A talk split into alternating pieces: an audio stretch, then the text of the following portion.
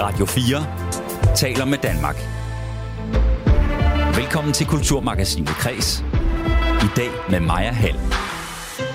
Ja, velkommen til en dag, hvor det er øh, slut med bare bryster på øh, busserne i medtrafik.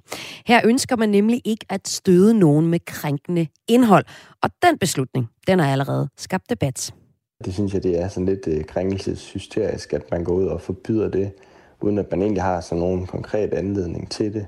Ja, de bryster der, det er altid dem, der er anledning til debatten. Om det er på sociale medier eller på reklamer, så skaber de i hvert fald debat, oplever jeg. Men hvorfor er det, at brysterne, den nøgne krop i det offentlige rum, i de her år puster til en særdeles ophedet debat og store følelser? Det spørger jeg i dagens udgave af Kulturmagasinet Kreds en ekspert om. Og hun mener, at det handler om, at vi i de her år efter MeToo er i gang med at genforhandle vores holdninger til køn, krop og seksualitet. Så det skal det blandt andet handle om i udsendelsen i dag. En udsendelse, hvor det også skal handle om den karismatiske frontmand ikke har det så godt her i 2023.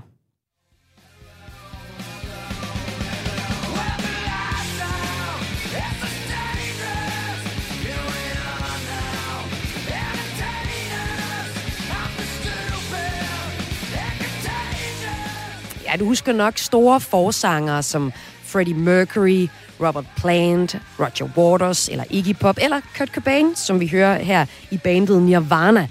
Men øh, måske er ikoniske frontmænd som dem her svært ved at ja, holde til 2023. Ærligt, frontfiguren har det svært i år. Og øh, det er sådan, at det er den enestående solist, den uden band og bagparti, der nu hitter på festivalerne, og man kan se det også på hitlisterne. Jeg taler senere i udsendelsen med en radiovært på B6 Beat om, vi skal lægge de her ellers ret elskede frontmænd i graven.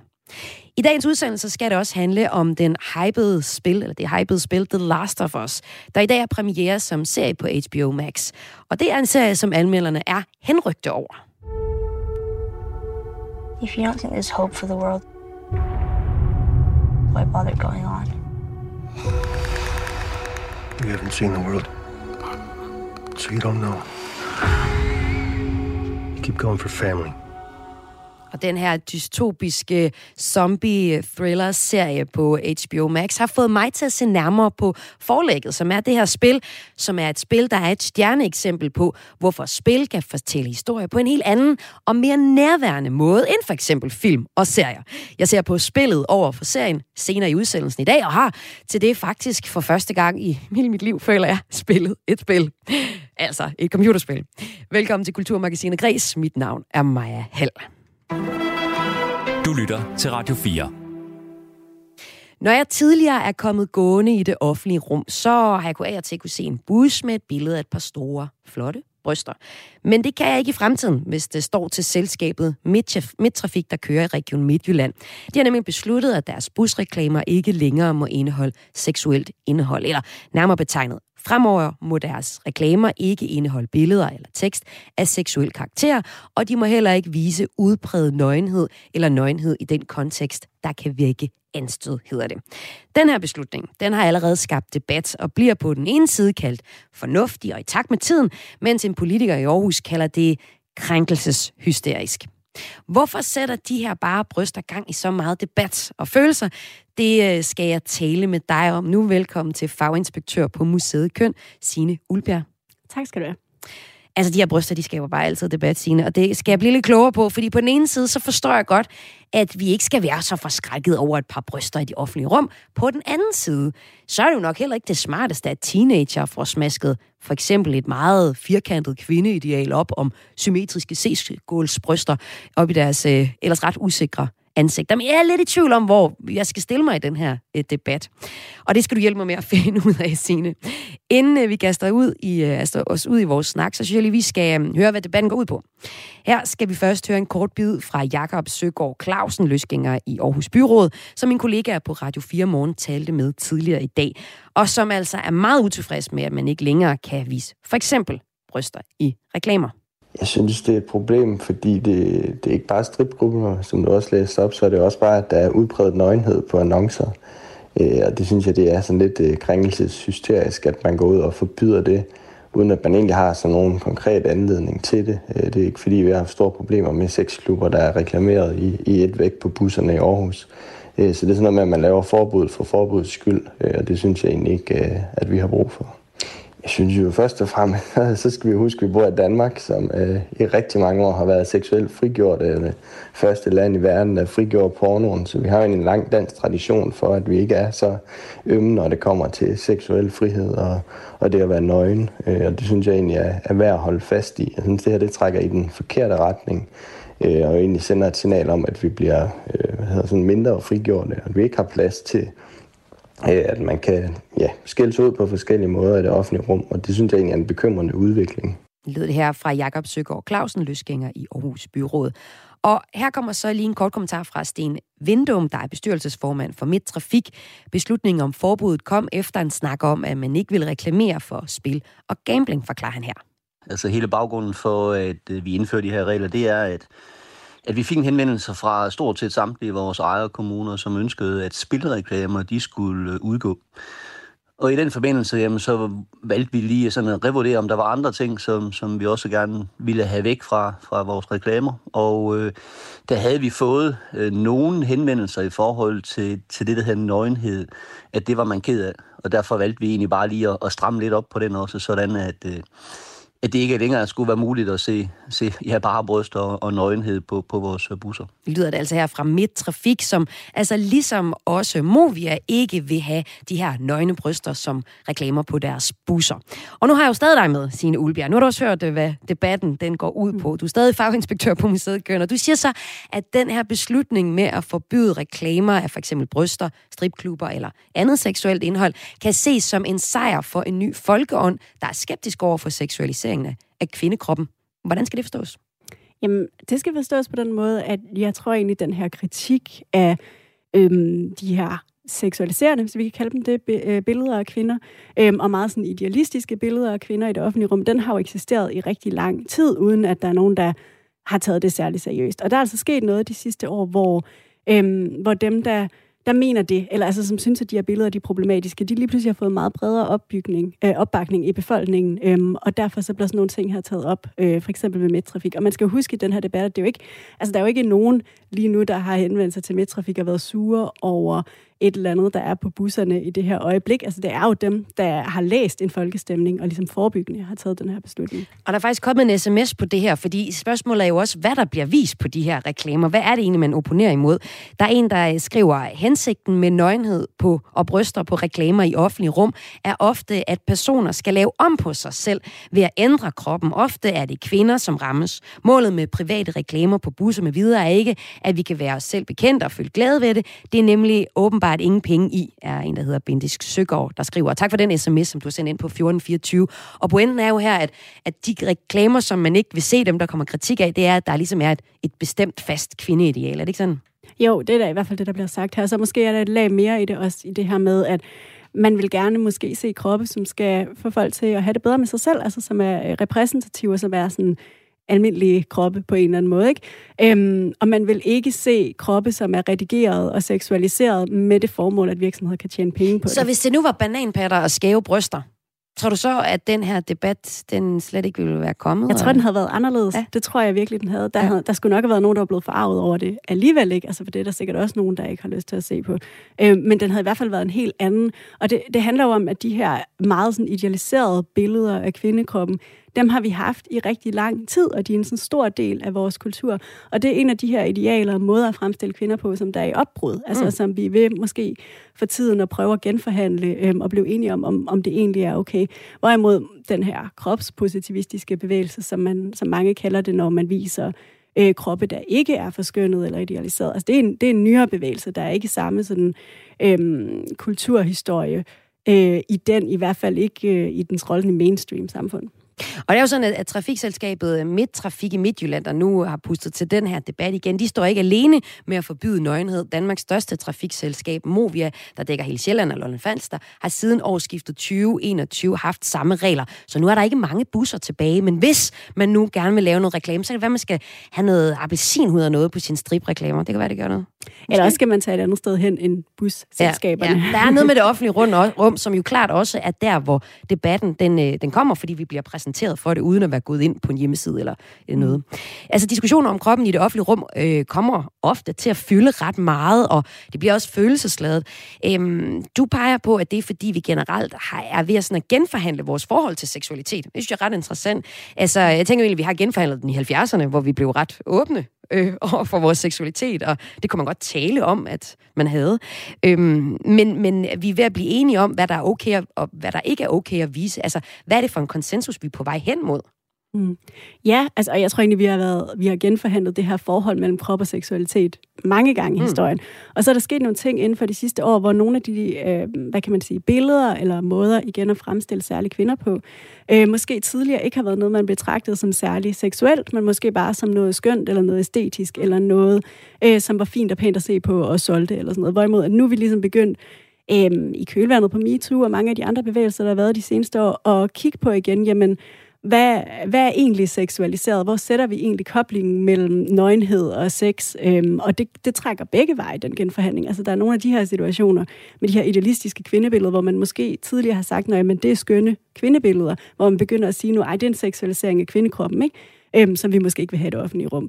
Øhm, men, men der er også andre sfære, hvor man kan sige, at man tidligere har sagt, når man bryster på stranden er måske seksuelt. Der vil være nogen i dag, der siger, nej, nej, fordi det er bare nogen, der bader, det er ikke seksuelt. Og det er, det er ligesom, også det, hvornår ja. bliver de der bryster øh, seksuelle, ikke? Altså. Ja, og det, er det, og det er der ikke nogen, der kan svare øh, på lige nu og i mm. dag, mm. fordi det er det, vi er ved at finde ud af. Ja. Altså, og det er det, folkeånden og sådan stemningen er ved at, det er det, vi er ved at blive enige om, ja. og det tænker jeg, at det her er et udtryk for. At vi og, og debatten er jo i fuld gang. Altså, vi øh, har bragt et indslag om det her i morgen i Radio 4 Morgen og lagt et opslag op på øh, Radio 4's Facebook-side, og der har vores lyttere dagen igennem så kunne kommentere på, hvad de mener om den her beslutning om, at Midtrafik nu også, ligesom Movia, ikke vil have brystreklamer med bryster på.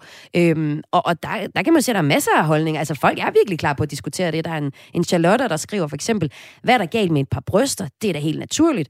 Der er en Hans, der påpeger, så længe ting er lovlige, må man reklamere for, hvad man vil. Folk skal lære at tage ansvar for eget liv. Der er jo ingen, der siger, at man skal købe, hvad der reklameres for. Det var lidt i tråd med det, vi snakkede om før mm. også, at, at det var det, der lagde op til. Og så er der den anden lejr. Den er også repræsenteret på vores Facebook-side. Der har vi Aline, øh, der skriver, ja, det er dybt usmageligt, at virksomheder får lov at reklamere på offentlige steder og tjene mange penge på at gøre menneskekroppen, som om den er skabt forkert. Fri os fra al den manipulation og perfektionisme, som pengefolk har fundet til at tjene store fede penge på en stor gruppe usikre, utilfredse, triste mennesker, som køber sig et manipulerende udseende.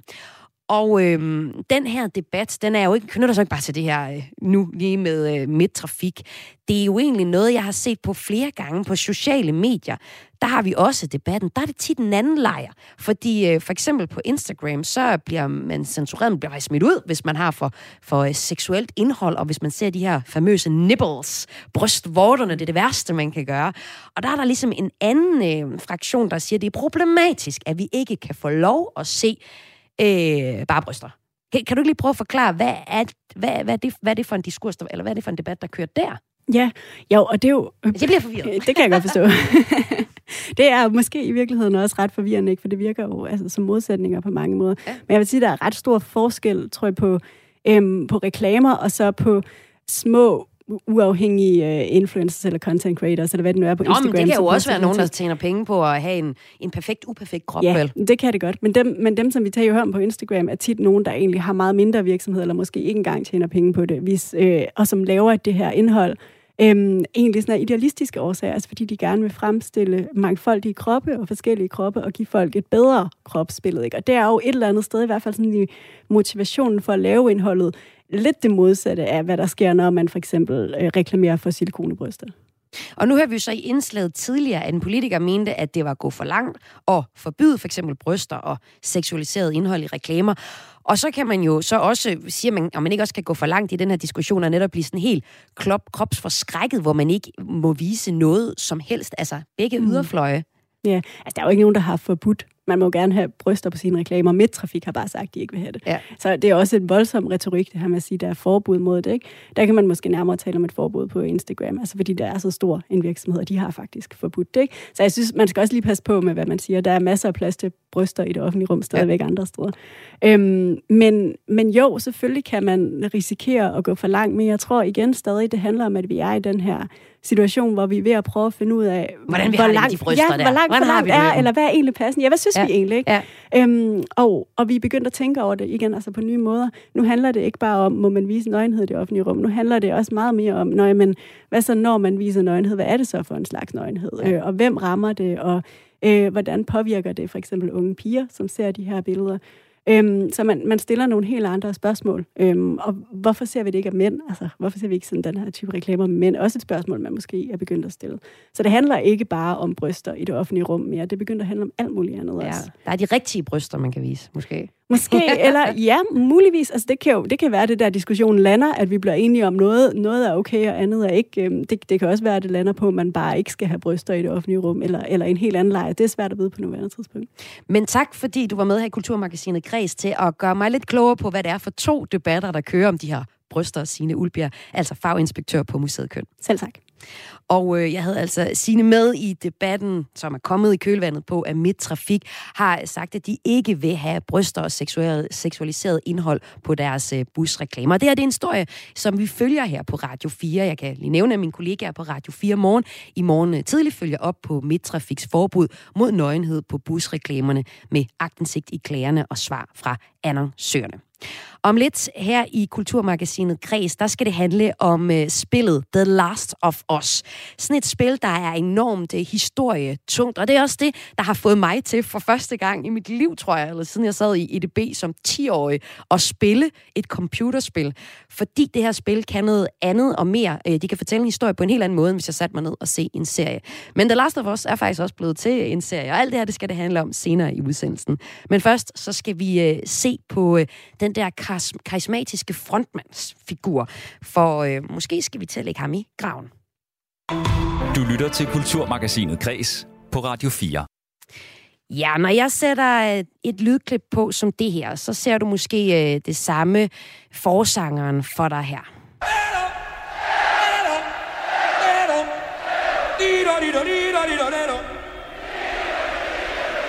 Fuck you. Ja, det er selvfølgelig Freddie Mercury, der her leger med publikum til en af Queens koncerter. Du husker måske, hvordan han så ud, sådan en flamboyant type, og hvordan han nærmest sådan, ja, det han, sprang rundt på scenen. Men øh, kan du huske, øh, hvad bandets øvrige medlemmer hedder, hvordan de så ud? Der er mange bands som Queen, der gennem tiden har haft en markant forperson, der er med et vildt sceneshow øh, og udstråling blev sådan hele ansigtet på bandet. Ikke? Jeg kunne nævne Pink Floyd, Led Zeppelin, Nirvana, Rolling Stones.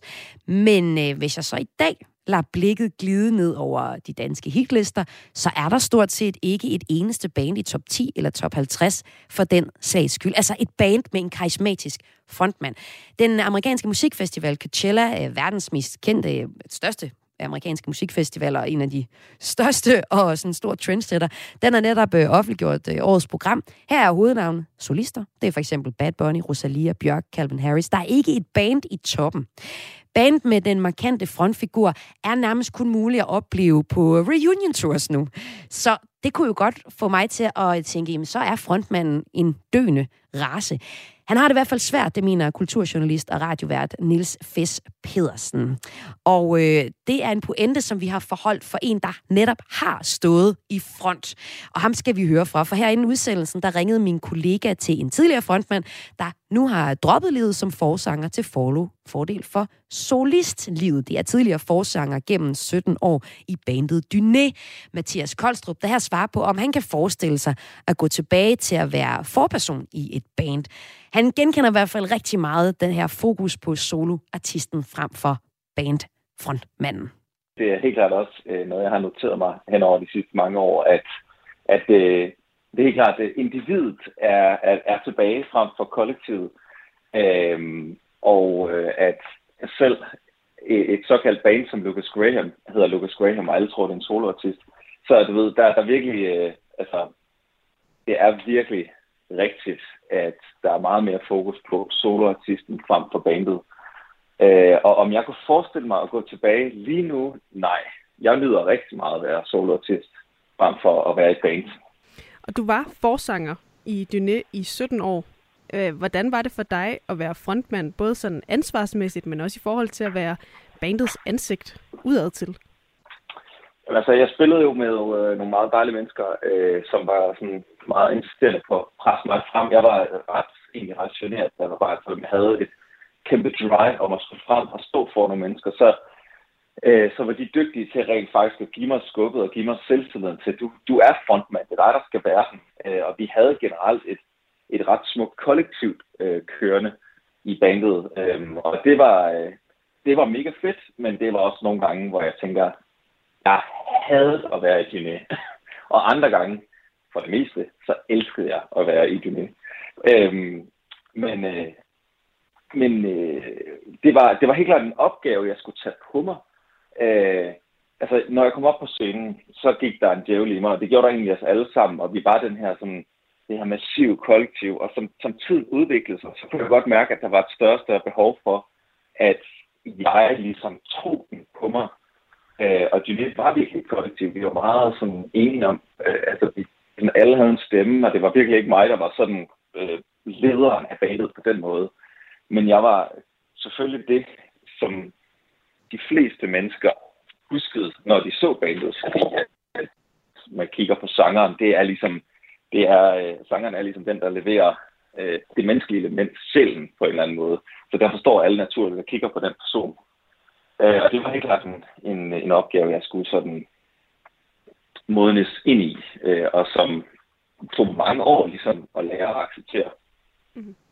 Og altså... også fordi jeg, jeg, ligesom, jeg skulle stå lidt på, altså det der, jeg snakker om med, at jeg havde at være i det var også det der med, nogle gange, så skulle jeg også stå på mål for en beslutning, som jeg ikke var enig i. Altså det vil sige, der var, kollektivet har ligesom besluttet, at vi gør det her, lad os sige, vi har valgt, at sangen skal være sådan her. Men jeg synes ikke nødvendigvis, at det var en fed retning at gå med den sang, men alligevel skulle jeg så stå og være den, som folk ligesom øh, tænkte på, når vi spillede sang. Og det, det var en udfordring nogle gange. Men det var helt klart også øh, noget, jeg altså, tog øh, stor, jeg havde altså, en lidt stolthed med. Altså det der med, okay, kollektivet har besluttet, at det skal være sådan her. Nu vil jeg, selvom jeg er enig, virkelig prøve at sælge det alt, hvad jeg kan. Og det, det tog jeg også en, det havde en lidt stolthed i også. Hvordan påvirkede det dig at have det ansvar? Det, øh, altså, det påvirker mig på den måde, at jeg bliver nødt til, altså påvirker positivt på den måde, at jeg bliver nødt til at have, jeg bliver, jeg bliver nødt til at tage den. Altså, jeg kunne ikke bare stå og putte mig. Jeg kunne ikke bare stå og forsvinde. Altså, jeg havde en hemmelig drøm om nogle gange at være bassist, hvor jeg bare kunne stå og spille bas. Øh, men jeg blev ligesom tvunget frem. Jeg blev tvunget til at tage nogle beslutninger. Folk kiggede på mig og sagde, hvad vil du, Mathias? Og det har været en det har været meget, meget sundt for mig at, at have det på mig, at jeg skulle, skulle blive trukket frem. Altså, jeg skulle jeg godt forestille mig, at jeg var sådan en, der lidt kunne have gået og gemt mig øh, hele mit liv. Der, der har en positiv øh, indvirkning på den, den type person, jeg ellers er. Og nu er du jo solist. Ja. Først gik du som under navnet Liberty, og nu er du Mathias Koldstrup, altså dig selv. Øh, hvordan ja. har det været for dig at gå fra at arbejde først som frontperson, så dernæst under et alias, og så nu helt som dig selv? Øhm, det har virkelig været en læringsproces. Det skal øh, siges, at jeg startede jo, øh, i, vi startede jo da jeg var 12 år gammel, så jeg har virkelig været i kollektivets noget i allerhøjeste grad. Øh, og det, det tror jeg også påvirkede min, min beslutning om at kalde mit soloprojekt Liberty til at starte med, fordi jeg følte mig mere som frontfigur, og jeg synes, det var en interessant, altså det var mærkeligt, at, øh, at skulle bruge min eget navn, fordi jeg, jeg er jo forsanger-typen, så derfor valgte jeg også at bruge det her alias. Og igennem de her øh, Liberty-udgivelser, jeg har haft, har jeg virkelig lært øh, at være soloartist. Det har været sådan en læringsskole, og det er også derfor, jeg efter, efter øh, halvandet år med, med Liberty ligesom tænkte, fuck det, jeg er klar til at bruge Mathias Koldstrup, min medfødte navn nu, fordi jeg har så meget selvtillid i det. Jeg har lært, hvordan, øh, hvordan det er at være den ultimative chef hele tiden. Og det, er en, øh, det har været sygt fedt. Og også mega hårdt selvfølgelig, altså fordi nogle gange savner jeg jo også at øh, kigge hen, og så, du ved, så står man der med sine bedste venner, øh, som vokser op med, og vi kan tage de her beslutninger sammen, og vi kan dele de her oplevelser sammen. Men, øh, men for mig er, var, er det et helt rigtigt tidspunkt, der har gjort det i mit liv. Lød det her fra tidligere Dyné forsanger og nuværende soloartist Mathias Koldstrup, som her inden udsendelsen talte med min øh, kollega Sabia Becker om at gå fra at stoppe som forsanger og så gå videre til at spille i navnet Liberty, til nu at være bare Mathias Koldstrup, og han er altså aktuel lige øh, nu med musik. Og det var altså på historien her om, øh, hvordan det er at være den øh, store frontfigur i et band til øh, nu, hvor vi ser langt flere soloartister. Du lytter til Kulturmagasinet Kres på Radio 4. Året er kun lige begyndt, og vi har faktisk allerede fået en serie, som kan gå hen og blive skældsættende for kommende serier af sin slags. I dag er der nemlig premiere på en serie skabt på forlægget af et af de mest hypede spiluniverser. Serien og spillet hedder The Last of Us, og anmelderne verden over er svært begejstrede for filmatiseringen, eller hvad skal man sige, serificeringen af den her zombie-thriller-serie, der handler om en far, der har mistet sin datter under et luftborn virusangreb, og 20 år efter befinder sig i en dyster verden, hvor han påtager sig missionen om at fragte en ung pige på tværs af USA, og pludselig skal tage stilling til, hvad han er villig for at ofre for at redde menneskeligheden. If you don't think there's hope for the world, why bother going on? You haven't seen the world, so you don't know. Keep going for family. Ja, dyster, dyster lyder serien her, og det er spillet også, som jeg har prøvet at spille. Jeg har aldrig gamet rigtigt. Jeg tror ikke, jeg sidder foran en computer meget mere end til, da jeg spillede Sims, øh, da jeg var teenager, og aldrig spillet sådan nogle spil som det her. Men øh, jeg er alligevel faldet over det her spil, The Last of Us, flere gange, siden det kom frem for omkring 10 år siden, fordi spillet ikke bare handler om at plukke zombier ned, men lader til at være sådan en stor fortælling om, hvad mennesker kan finde på, når det er presset til det yderste. Derfor inviterede jeg mig selv hjem til en af mine venner for at spille spillet The Last of Us, og så har jeg også inviteret to fans i studiet for at blive klogere på, hvordan spil som medie fortæller historier på helt andre måder, end når vi for eksempel læser en bog, ser en serie, tegnefilm eller film. Og hvorfor The Last of Us, ulige andre serificeringer af computerspil, lykkes som serie. Jeg kan byde øh, velkommen til anmelder på hjemmesiden Vi Elsker Serie, Steffen Lomholdt Petersen. Velkommen til dig. Tak skal du have. Og så kan jeg også byde velkommen til dig, Christian Nyhus Andersen. Jo, tak. du øh, følger spilindustrien tæt lige nu øh, som chef for iværksætteri i Filmby Aarhus, hvor du har fokus på at styrke spilbranchen. Du har også tidligere været en del af de mest succesfulde spilvirksomheder i verden. Det har vi øh, her i Aarhus, og de står bag Subway Surfers. Vi skal se på The Last of Us, både spillet og også den her nye serie, der har på premiere i dag, er blevet taget rigtig, rigtig godt imod af anmelderne. Men lad os starte med spillet. Må jeg lige høre jer to. Hvordan har I det med spillet The Last of Us? Hvad siger du, Christian? Ja, hvis jeg må lægge ud, det er, vi taler, når vi taler om The Last of Us, så taler vi om et, et spil, som er episk. Øh, det, episk. Har, det er simpelthen episk. Ja, og hvad siger du, Steffen? Jamen, jeg er enig med Christian. Det er helt sikkert et af de, de bedste spil, der findes til, til PlayStation, som så kom ud på i, i første omgang. Øh, det har bare en historie, som bare fanger en, øh, og det er svært ikke at leve sig ind i den verden, hvor det ligesom foregår i. Og det øh, vil jeg gerne høre meget mere om, men nu skal vi også lige have lidt mere tjek på historien, så dig, der lytter med, er med, også selvom du ikke har spillet det her spil. Og vi tager lige lidt af musikken fra øh, spillet, der kom ud i 13.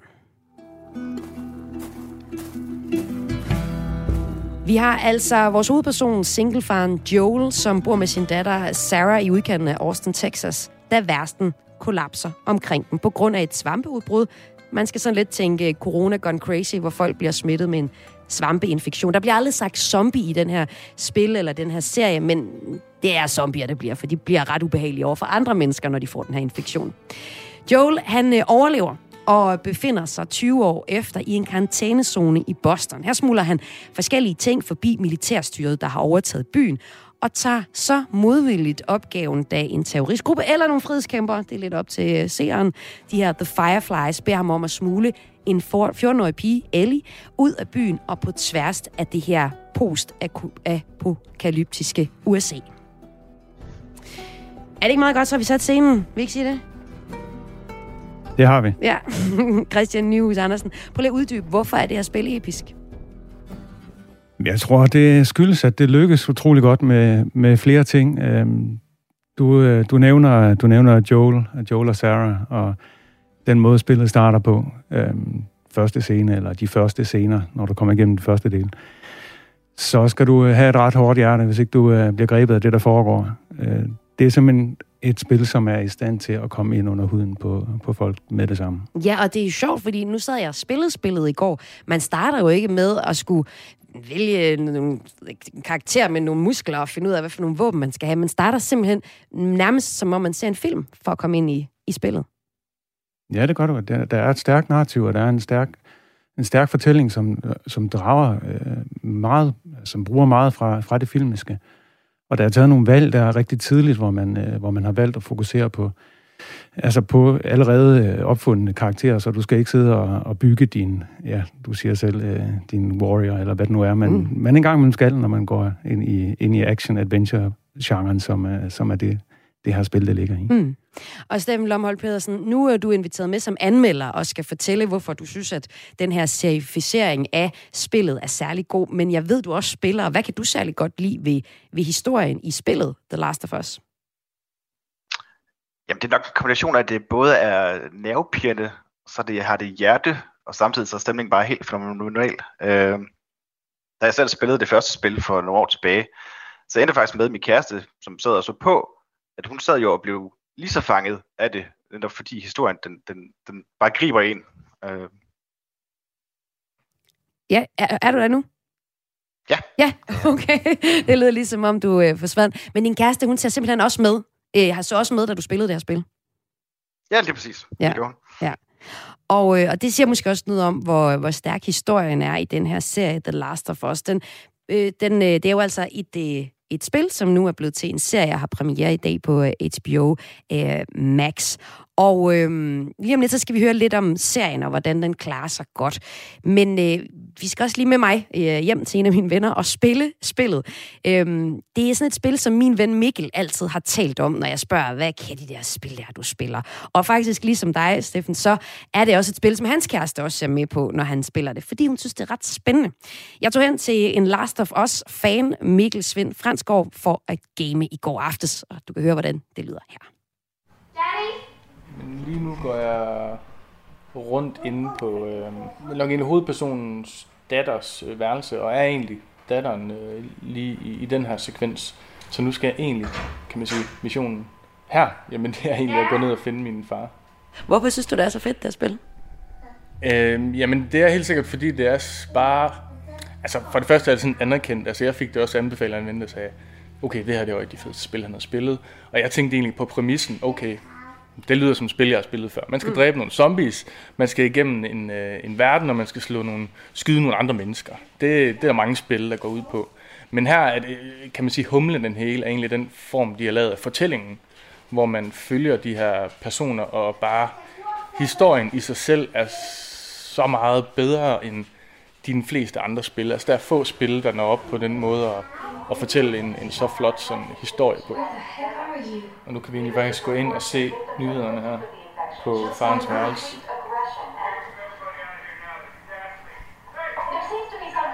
Og det er ret tydeligt, at der er noget galt, for ligesom man kan se, at der er noget i brand og noget, der eksploderer. Og nu går det også op for, øh, for pigen her, at øh, okay, der er et eller andet rivragende galt. Når man spiller spil, handler det så ikke om netop at dræbe nogle zombies og, øh, du ved, action. Er det ikke den største del af at spille et spil? Jo, jo. Altså det vil jeg sige i, i rigtig mange spil. Og, og der er spil jo ligesom også mange andre ting, at der ligesom er undergenre. Og det her spil der, mens du ligesom er spil, du spiller og går rundt og sådan noget, så oplever du nærmest sådan historien, fordi historien er i de samtaler, der er mellem karaktererne, mens du egentlig bevæger dig rundt i den her vilde verden, hvor at øh, skoven ligesom har groet op igennem byen, og øh, zoologisk haves dyr går rundt øh, ude i gaderne og sådan noget. Man ser nogle helt vildt fantastiske scener, og mens de har dialog, øh, hovedpersonerne i spillet her, jamen det er der, man egentlig får fortalt meget af historien, og så kommer der nogle cutscenes, som er også episke og sådan mere øh, filmagtige, kan man sige. Jamen det er jo det, hvorfor ikke bare se en film? Men jeg tror, det er fordi, at man oplever ligesom at være karakteren her. Øh, jeg kan meget mere fordybe mig i Joel, som er hovedpersonen her, ved at ligesom agere som ham. Og så er der actionsekvenserne, der er jeg jo ham. Og, og min øh, frustration øh, over historien, øh, kan jeg jo ligesom leve ud igennem ham, ved så trykke på min, min controller, kan man sige. Og på den måde ligesom leve ham og gøre hans øh, aktioner øh, i spillet.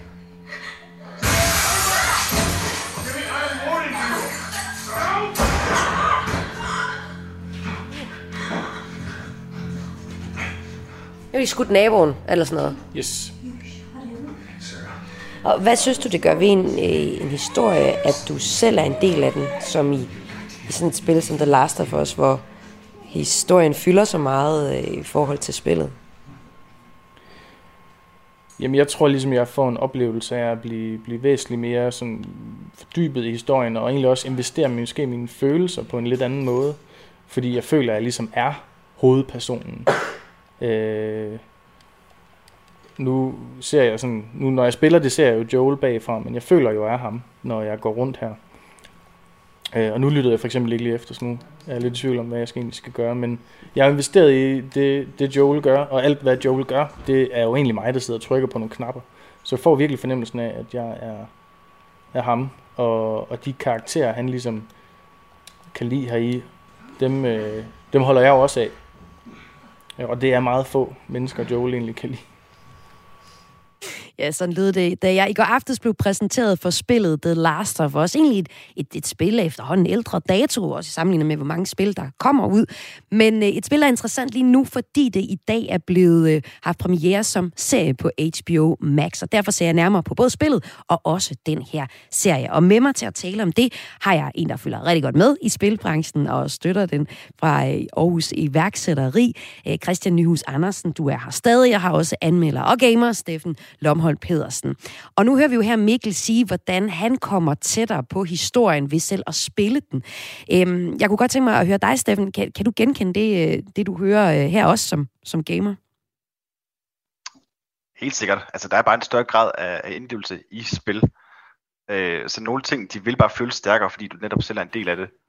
Øh, man kan lidt sammenligne det med, at hvis du selv bliver jagtet af en mand med en økse, det er væk stærkere, end at hvis du ser nogle andre blive det. Og, det, og sådan oplever du det, når du spiller for eksempel The Last of Us, at det er dig, der bliver jagtet af en økse, med en økse, morder. Ja, det kunne for eksempel være et, ja. et, ja. et tilfælde. Og Christian Nyhus Andersen, jeg ved også, at du ser øh, det med at spille for eksempel kontra og, og, og se en serie, at det ene er lean forward, og det andet er lean backward, noget som vi snakker om. Prøv lige at forklare, hvad det betyder. Altså udover det at læne sig frem og læne sig tilbage. Jeg kan godt oversætte det, men ellers. Ja, jo, jamen, øhm, det er jo lige præcis det, det, det også lyder til, og det er også det, som, øh, som Mikkel og Steffen begge går ind i her, at, at man på en helt anden måde bliver investeret, når man går ind og tager valg i det, der skal foregå. Øhm, du får det ikke præsenteret lineært, hvad er det, der, der skal foregå, hvordan er det, jeg, øh, at tingene udspiller sig foran dig. Du bliver simpelthen en del af det. Og det er jo noget af det, spilbranchen kan, og, og som vi også ser, når vi begynder at komme ind i medier. Øh, mere, mere tværmedielle formater, som, som, øh, som i VR-oplevelser. At folk de føler sig øh, ganske enkelt øh, som en agent i det, der foregår. Øh, man giver faktisk agency, som man siger, til, øh, til spilleren. Hvad betyder det? Jamen, det betyder jo det betyder egentlig det. Det betyder, at du giver, du giver spilleren mulighed for at selv lave historien, eller i hvert fald føle, at man har indflydelse på historien. Vi talte også tidligere i telefonen om det, at, at når du er i spillet, jamen, så er der masser af ting, du kan finde. Øh, gå rundt. Øh, du behøver ikke at følge en, en helt bestemt hastighed, øh, hvormed du oplever spillet på. Det skal du jo selvfølgelig en gang imellem, for bliver du jagtet af, af en øh, inficeret, jamen, så er det jo med at, at få truffet nogle valg og, og komme ud af, af den hektiske situation. Men der er masser af plads til også at, at undersøge den verden, du er en del i, og gøre den til, øh, til din verden i virkeligheden. Ja, fordi Mikkel sagde, at hvis man nu skulle gennemføre spillet rigtig hurtigt, så kunne man måske gøre det på et par timer og bare tons igennem det. Men ideen er jo også, at man går rundt og, og opdager, hvad der egentlig er på spil her. Hvad er det for en virus? Øh, man kan se læse øh, nyhedsaviser, man kan se graffiti på væggene fra den her oprørs-terrorgruppe. Man kan ligesom altså det var også ret fascinerende for mig at sidde og se ham gå rundt, fordi der var mange ting, jeg slet ikke ville lægge mærke til i det spilunivers. Men det er ligesom det, der bliver foldet ud. Og det er jo så i virkeligheden ret øh, ut, altså utroligt, at man så tør lave det om til en serie, tænker jeg, Steffen. For den skal vi se på nu. For der er jo så nu kommet en serieversion af spillet The Last of Us, der er premiere på HBO Max i dag. BBC giver den 5 ud af 6 stjerner, kalder den den bedste tv-adaption af et computerspil nogensinde. The Guardian øh, skriver, at Øh, TV endelig har lavet en perfekt øh, computerspilsfilmatisering herhjemme. Der er det også 506 stjerner fra Berlingske. De øh, skriver, at serien formår at fremmene skønhed i menneskehedens mørke stund. De er nærmest de eneste, der ikke forholder sig til det her. Øh, hvor vildt det er, at serien faktisk fungerer. Fordi der er man nu til rigtig mange dårlige eksempler på. Sammen jo også 5 ud af 6 stjerner. Endelig har vi fået noget nær perfekt spilmatisering. Og det mener du sådan set også, Steffen Lumholdt Pedersen. Fordi du har skrevet noget af det samme på Vi Elsker Serie. Du skriver, The, ja. Last, of, The Last of Us bliver et pejlemærke for kommende spilbaserede film og serier. Hvorfor bliver serien det? Jamen, der, der er flere ting, som The Last of Us-serien ligesom lykkes med. Øh, for det første, så er det ligesom, har skaberne formået at lave en serie, som både formår at henvende sig til, til nye serier, men også, som også samtidig tilfredsstiller dem, der er fans af den originale spilserie. Mm. Øh, hvor de ligesom bygger oven på universet og den fortælling, som vi kender fra spiludgaven. Øh, så der er noget nyt for dem, der har Ja, for det er jo sjovt, fordi I, I taler jo om det her spil med så stor en, en storyline, så stor en historie flettet ind i spillet, at man næsten kun kan tænke, at en serie ikke kan, kan lykkes med noget af det, ikke komme i, komme i nærheden af det, men det kan det så alligevel. Ja, fordi de, de holder det alligevel på et niveau, hvor de så stadigvæk formår at på et niveau, man kan følge med, introducere nye serier for den her helt fantastiske og samtidig helt frygtelige historie. Øh, og, og jeg har også hørt flere, flere sige efterfølgende, at når de har set noget af serien her, så de får lyst til at spille spillet øh, bagefter. Mm. Og øh, noget af det, du peger på, der fungerer godt i det hele taget, det er, at der er rigtig godt skuespil i den her serie også. Hvad er det, der er på spil i forhold til det? Jamen, en ting, der var helt afgørende for serien her, det var selvfølgelig, at kemien mellem de to hovedroller, Ellie og Joel, som så, så bliver spillet af Pedro Pascal og Bella Ramsey, at serien kunne slet ikke fungere uden det, fordi det er så afgørende for historien, og det er så stor en del af, af den her fortælling, deres forhold til hinanden, og hvordan det ligesom udvikler sig i løbet af, af spillet. Hvis de ikke ramte den i serien, så vil det hele falde til jorden. Og det synes jeg, det er faktisk er lykkes ret godt med øh, i serien. Ja, jeg tænker også, det er særlig interessant med den her øh, øh, unge kvinde i serien, som øh, gør det, spiller røven ud af bukserne, mildest talt. Er ikke det, man kan sige?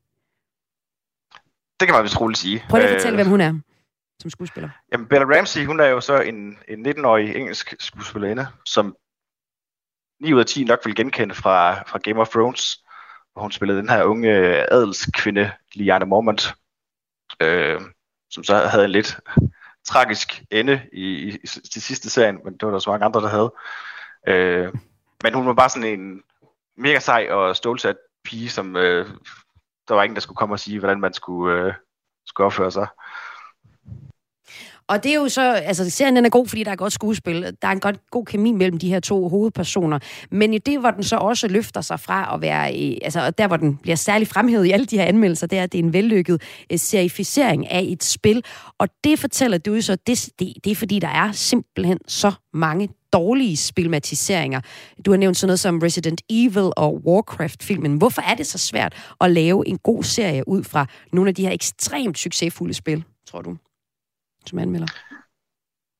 Ja, men det, det tager nok grod i, at tit og ofte de værker, de dykker ned i, i de her filmatiseringer og serificeringer, at de er så store og så omfattende, at det er måske svært på halvanden time eller på en times afsnit øh, at ligesom formidle og fortælle den, de historier, der ligesom gemmer sig her. Og øh, man kan måske også spekulere lidt i, om der er nogen, der lugter hurtigt penge, fordi der er noget, der bliver populært, at så kan man trylle noget om på det til, til en film eller en serie, for ligesom at, at dyrke det, der, der er populært. Øh, og det var for eksempel det, vi så med Warcraft-film fra 2016, mm. øh, som blev sådan lidt en, en halvlunken affære, hvor de hopper rundt i tid og sted. Øh, så hvad der skulle have været, måske i startskud på sådan en serie af, af film og en helt ny franchise, det faldt helt til jorden. Men øh, det gør den øh, ikke, hvad jeg anmelder os mening, at den her øh, samificering af The Last of Us, den fungerer øh, rigtig øh, godt. Og øh, det synes jeg er, øh, det synes jeg er ret interessant, fordi når man ser på spilindustrien sådan på hele verden, sådan stor også i Danmark. Sidste år så var der en rapport, der viste fra Newzoo, at spilindustrien voksede i 2021 på trods af pandemien. Det var noget, man kunne læse ind på version 2.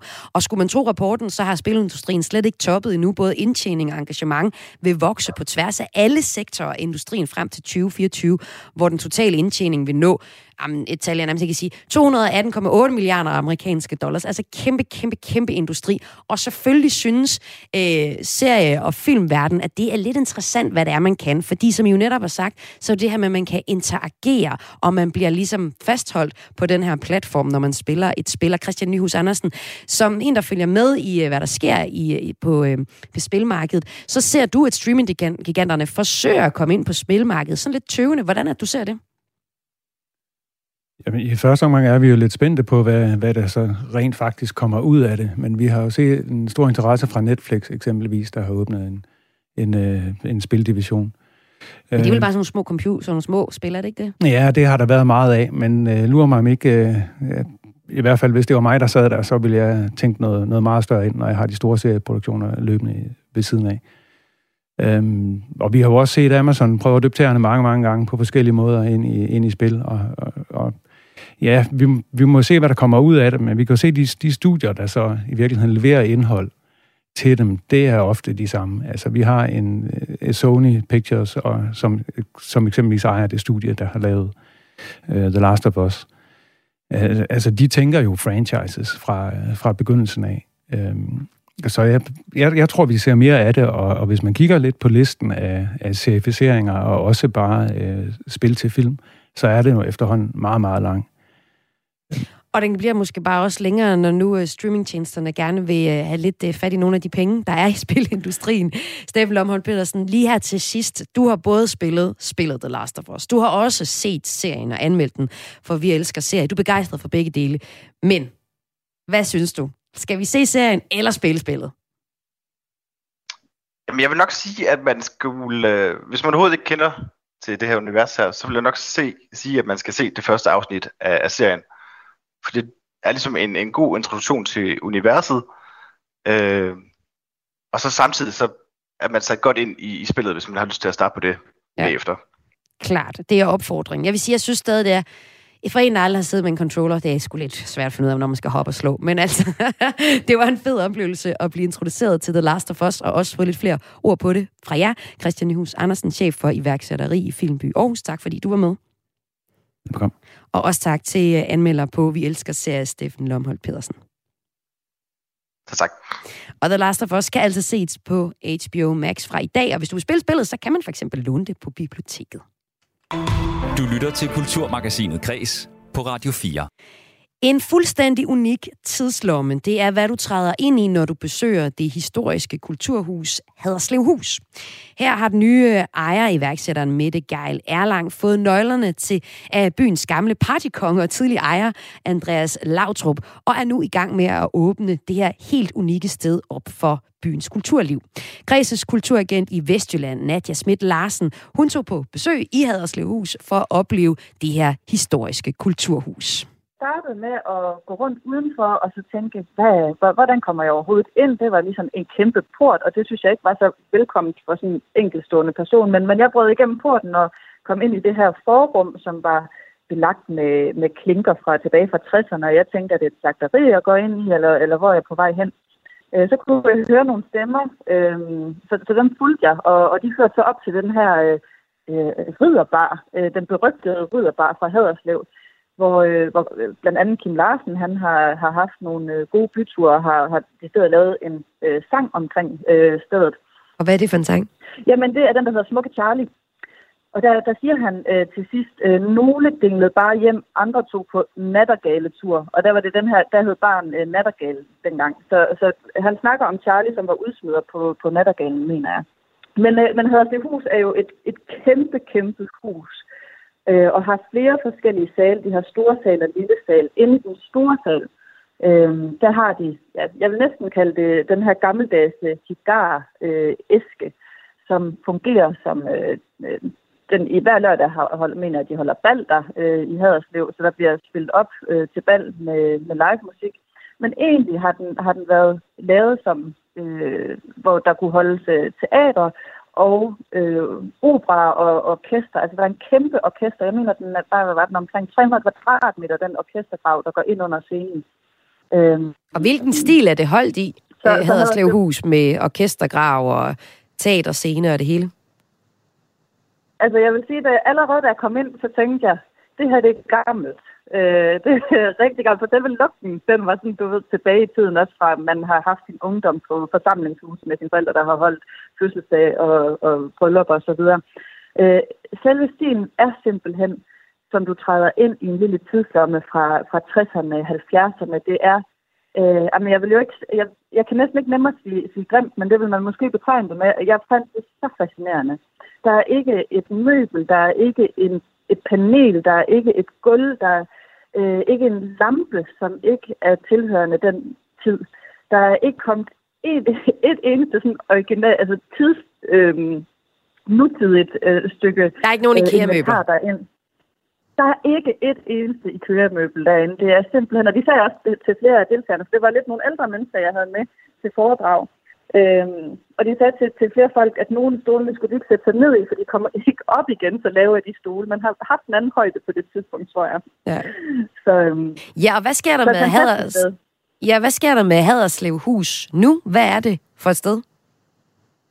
Jamen, Nette, hun, har jo, hun fik lov til at købe ejendommen for, ja, det er vel nok egentlig nogle år siden, nu et år eller to siden, øh, fra den tidligere øh, partykonge af Haderslev. Jeg kan ikke huske, hvad han hedder, men, men, men han havde det og drev stedet som, som både diskotek og bar. Men, men Haderslev Hus trækker jo egentlig tråd tilbage til 1500-tallet øh, og har haft rigtig meget historie, også op igennem øh, det 19. århundrede, og især igennem både 1. og 2. verdenskrig. Øh, og især det her med genforeningen, øh, det har jo været et byr- byrgerforeregn, altså sådan et tysk øh, sted også. Så, så Mette, hun har egentlig ambitioner om, at, at huset skal, tiltrække folk også på historien. Og det er også der kvad af, at jeg var øh, på stedet. Det var jo fordi, at øhm, øh, der var fortællinger øh, på stedet, i, som der hedder i historiens fodspor øh, den her foredragsserie, der kommer de næste... Øh, nu var jeg til det første, der kommer et igen øh, tirsdag øh, kl. 14 øh, til 16, og så fortsætter det øh, resten af januar måned hver tirsdag fra, fra 14 til 16 med forskellige emner. Øh, så, så hun vil gerne have historien tilbage til stedet og kunne formidle den her historie, og vil gerne øh, Øhm, åbne det op som et kulturcenter, kan man næsten sige. Jeg ved, hun, hun laver en del øh, socialøkonomiske projekter også med, med børn og unge, øh, og folk, som der måske ikke kan finde arbejde andet sted. Øh, så, så det skal være sådan et, et kulturcenter for alle, øh, ja, med fokus på historien. Ja, sådan lød det her fra Kreses kulturagent i Vestjylland, Nadja Schmidt Larsen, der altså har været på besøg i Haderslev Hus for at opleve det historiske kulturhus, som var lidt af en tidslomme. Og hun refererer til en Mette, og det er fordi, at man er så lokal, som man er, eller som Nadja er. Og hun taler altså om den nylige ejer, Mette Geil Erlang, der for cirka fem år siden overtog nøglerne til Haderslev Hus, som hun altså nu vil gøre til et øh, kulturhus for hele oplandet. Kulturmagasinet Græs, det er ved at være færdig for i dag en udsendelse, hvor vi blandt andet har set på, hvordan det er at være, øh, hvordan det er, at det, der ikke rigtig er en, en forsanger, en stor, ekscentrisk Freddie Mercury-agtig forsanger i et Queen-agtig band længere, men at hvis vi kigger ned over hitlisterne, så er det soloartister, man kunne sige, at R&B har dræbt den der øh, stærke frontmand. En af dem, vi talte med i forbindelse med det, det var øh, et, øh, en forsanger gennem 17 år i bandet Dyné Mathias Koldstrup.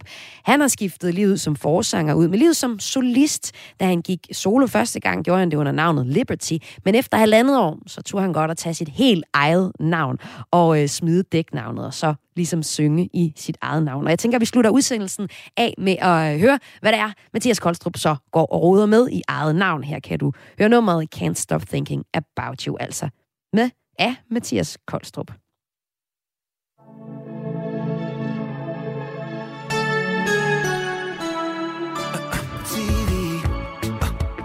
On the TV.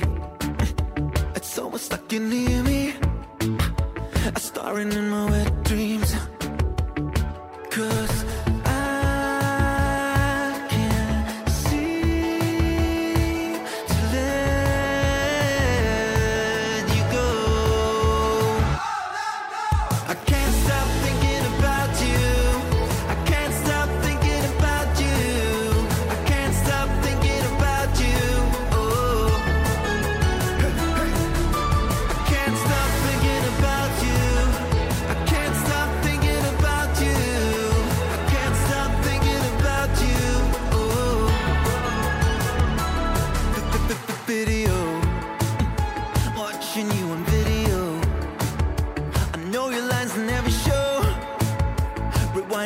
memory.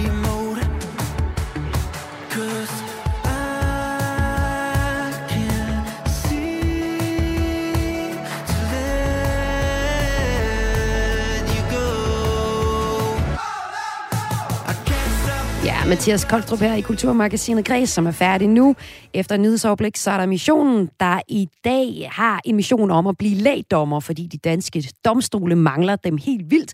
Reporter Joachim er ude for at værve de mest eftersøgte læg.